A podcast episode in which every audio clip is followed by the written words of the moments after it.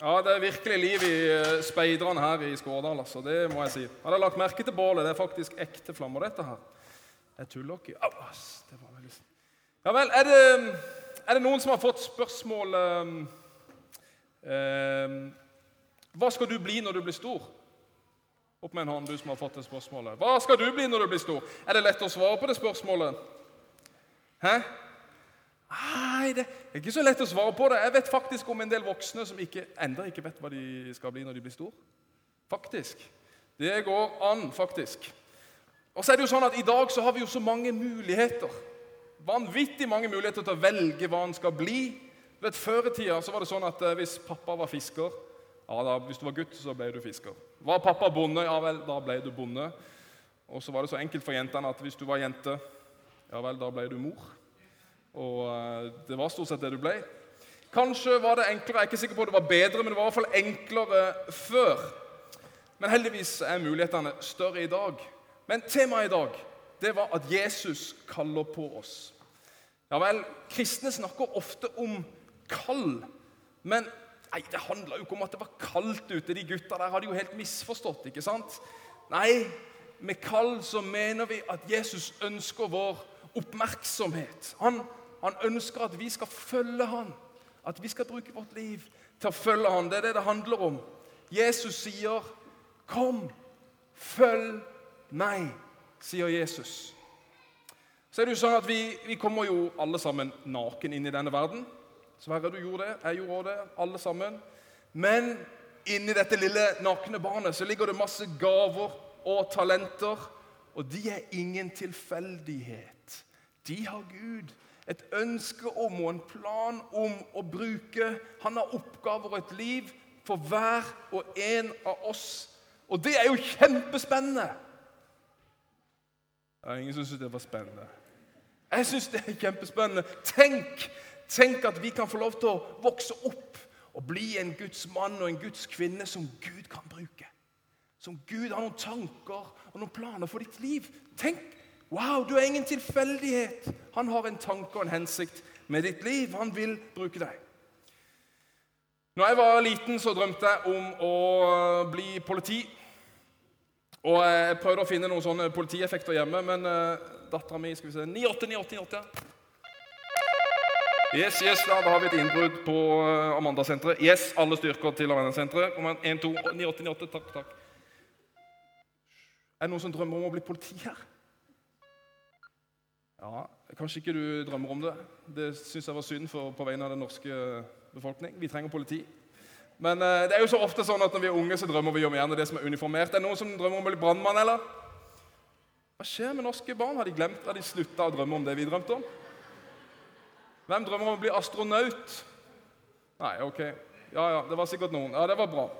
Nei, altså Etter hvert som jeg vokste opp, da, så tenkte jeg åh, eh, Nei, jeg, tror, jeg, jeg, kjenner jeg var interessert i biologi og biokjemi. Jeg gjorde det veldig bra på skolen. rundt det, Så jeg tenkte jeg skal bli lege. Lege skal jeg bli. så skjønner, husker jeg ingenting. Jeg må bare kjempe. Puster du? Jeg, jeg, tror det var godt at ikke jeg ble lege, for jeg hadde sikkert feilbehandla alle. Men, men, jeg drømte om å bli lege, så tenkte jeg nei, det var kanskje ikke lege likevel. Um, ja, Fram og tilbake der. Så tenkte jeg nei, jeg var ferdig med militæret, så tenkte jeg nei, studier det er dritkjedelig. Jeg er så lei av skole. Så tenkte jeg jeg skal bli maler. tenkte jeg. Så jeg faktisk, jeg jobba i to år som maler. Og jeg ikke lært meg all slags tapetsering og avsetting og riktig mengde maling på pensel. Men så tenkte jeg etter et par år Nei, det bor jo mer inni meg enn å være maler. Jeg må, det er noe mer jeg vil. Det er noe, mer jeg har lyst til. Ja vel, så var det videre da, så tenkte jeg hm, jeg har lyst til å bli fysioterapeut. Sofus, du kunne jo trenge litt sånn trening der. Nei, Sofus er et dårlig eksempel, for han er så sprek. Men, men du vet at fysioterapeuter er jo sånne som Ja, vi må ha ordentlige bevegelser, ellers så blir vi dårlige. Nei. Så snakka jeg med en lærer på universitetet, for jeg studerte idrett. Så sa han Ferdig, du er fysioterapeut, du må bli mye mer enn det. Og er ikke det nok, da? Nei, du må bli kiropraktor. Oi. Ja vel. Jeg skal ikke jeg skal ikke begynne å knekke på noen nå, men det er sånn som knekker opp ryggen når far har eh, strevd for mye og når mor har eh, strikka for mye. og sånn. Da knekker de opp. Nei, jeg kunne ikke bli kiropraktor. Eller jo, jeg gikk for det. Så jeg sa til Katrine, til kona mi, vi skal flytte til Danmark, og så skal jeg studere kiropraktikk i Odense, en by i Danmark. Ja vel. Og så begynte jeg å ta opp fag, for jeg mangla noe fag. Og sånn. Og så en dag så kjente jeg Oi! Så kom Gud inn i bildet. Det var ikke helt fjernt, det, for jeg hadde jo vokst opp i menighet som mange andre her.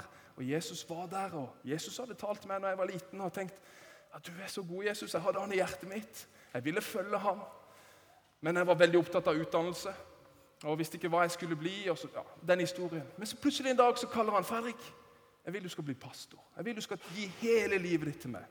Og Jeg kan ikke bruke det resten av dagen på å forklare hvordan det var, men det var en sånn følelse at jeg måtte bare la alt ligge. Jeg slutta på skolen, og så begynte jeg å studere teologi. Og sånn var det. Og så har det ikke vært sånn at jeg har vært pastor resten av, i, hele livet mitt. Det har vært fram og tilbake. Jeg har kunnet fortalt masse om mye gale yrker jeg har prøvd. Eh, til og Her står jeg i dag og er tilbake på den stien som jeg tror Gud har gitt meg, om å jobbe som pastor. Men mange tror at det å være kalt av Gud, det, da må du bli prest, da må du bli misjonær, da må du bli pastor. Men det er jo ikke sånn det Om du blir bilmekaniker eller sykepleier eller brannmann, eller du er så uheldig at du blir uføretrygda, kallet er likevel det samme. Jesus sier, 'Kom og følg meg'. Han vil bruke dine talenter og gaver uansett hva du ender opp med å bli. Og Når Jesus sier 'følg meg', så vil det for de, første, for de aller fleste av oss vil det bety at vi fortsetter med det vi gjør. Vi fortsetter med det vi gjør, det livet vi har, men livet får en mye større hensikt. Drivkraften er ikke nødvendigvis bare penger og mat og det å ha det så fint og trygt. Villa, dobbel garasje, sånn som jeg har. Det er liksom ikke bare det som er drivkraften i livet når vi følger Jesus. Men plutselig så blir man en del av noe som er så mye større enn meg sjøl. Jeg lever ikke lenger bare for min egen agenda, mine egne behov og mine egne interesser. Nei, for hans, for Jesus sine interesser. Og da skal jeg love deg en ting, at livet blir så uendelig mye mer spennende og givende. Og ikke minst frigjørende enn å følge bare mine egne veier. Ok, Det er kallet. Og for noen så vil det være å begynne på en helt ny vei. Sånn som Abraham. Han dro opp, han flytta. Han snudde helt opp ned på livet sitt. Men allikevel så vil det alltid være et utgangspunkt i noe du syns er gøy, noe du er interessert i, noe du syns er spennende, osv. Og heldigvis da, så er det jo sånn at de fleste av dere her, i hvert fall barna, har veldig god tid på å finne ut av hva Gud kaller til det til. Men det viktige i dag er at du forstår at Gud vil bruke det. At du er ingen tilfeldighet. At de interesser og de gaver han har lagt ned i deg, det vil han bruke. Ja vel, Sir Baden Powell han eh, møtte deg jo, han som starta speiderbevegelsen. Han var jo en militærhelt. Visste du det? Han var skikkelig militærhelt. Og han var en kristen, og erfaringen fra militæret Du så hvor stram han var. Den erfaringen den ville han bruke da inn mot gutter for å oppdra dem og for å bygge karakterer. For at de skulle vokse opp og bli skikkelig mannfolk. Og Etter hvert så kom jentene også inn, heldigvis. Men hans kall, Sir Baden Powell sitt kall, det ble speiding etter hvert. Og Han bygde denne bevegelsen, og Gud var med ham. Vet du hva som sto på hans gravstein? Hva sto på Sir, Badens, Sir Baden Powells gravstein? Det er én som vet det. Kristian vet det. Husk oss dette symbolet her. Dette er et sportegn i speideren. Hvis vi får opp det bildet. Knut Erik. Dette, dette, er et sportegn i speideren. Og hva betyr det? Kristian? Jeg har gått hjem. Det sto på gravsteinen. Du må repetere sportegnene. Det var ingen som kunne det. Uh, ja. det var Kristian som kunne det. Det er et sportegn i speideren. Det betyr 'jeg har gått hjem'. Og jeg vet ikke, Er det noen eh, speidere her som har vært ute på tur før? Er det det? Opp med en hånd, da. Kom igjen, nå. Ja, ok. Er det godt å komme hjem fra tur? Åh, ja. Det er alltid godt å komme hjem etter tur. Eh, det syns jeg i hvert fall er. Og når vi snakker om kall, vet du hva det største og første kallet er til oss? Jo, det er å komme hjem til Gud. Ja, helst før vi dør, da. Vi vil helst komme hjem til Gud før, for det går an. Og Jesus viser oss veien dit. Et annet sportegn i speideren er pila, og det viser hvilken retning vi skal gå i. Jesus viser oss veien hjem til Gud. Og troen, troen vår, den kristne tro, er for veldig mange det samme som å føle seg hjemme. For troen, den gir tilhørighet. Den gir trygghet. Og troen gir identitet. Og det er på tross av hvordan livet ellers måtte være. Men troen gir oss dette. Så tok jeg med meg et kart her. Kart, eller eh, Bruker dere kart eller GPS på speideren? Ja, de bruker mest kartet. Det er viktig å lære seg å lese kartet. Eh, og det Livet vi lever, kan på mange måter sammenlignes med det å være på tur.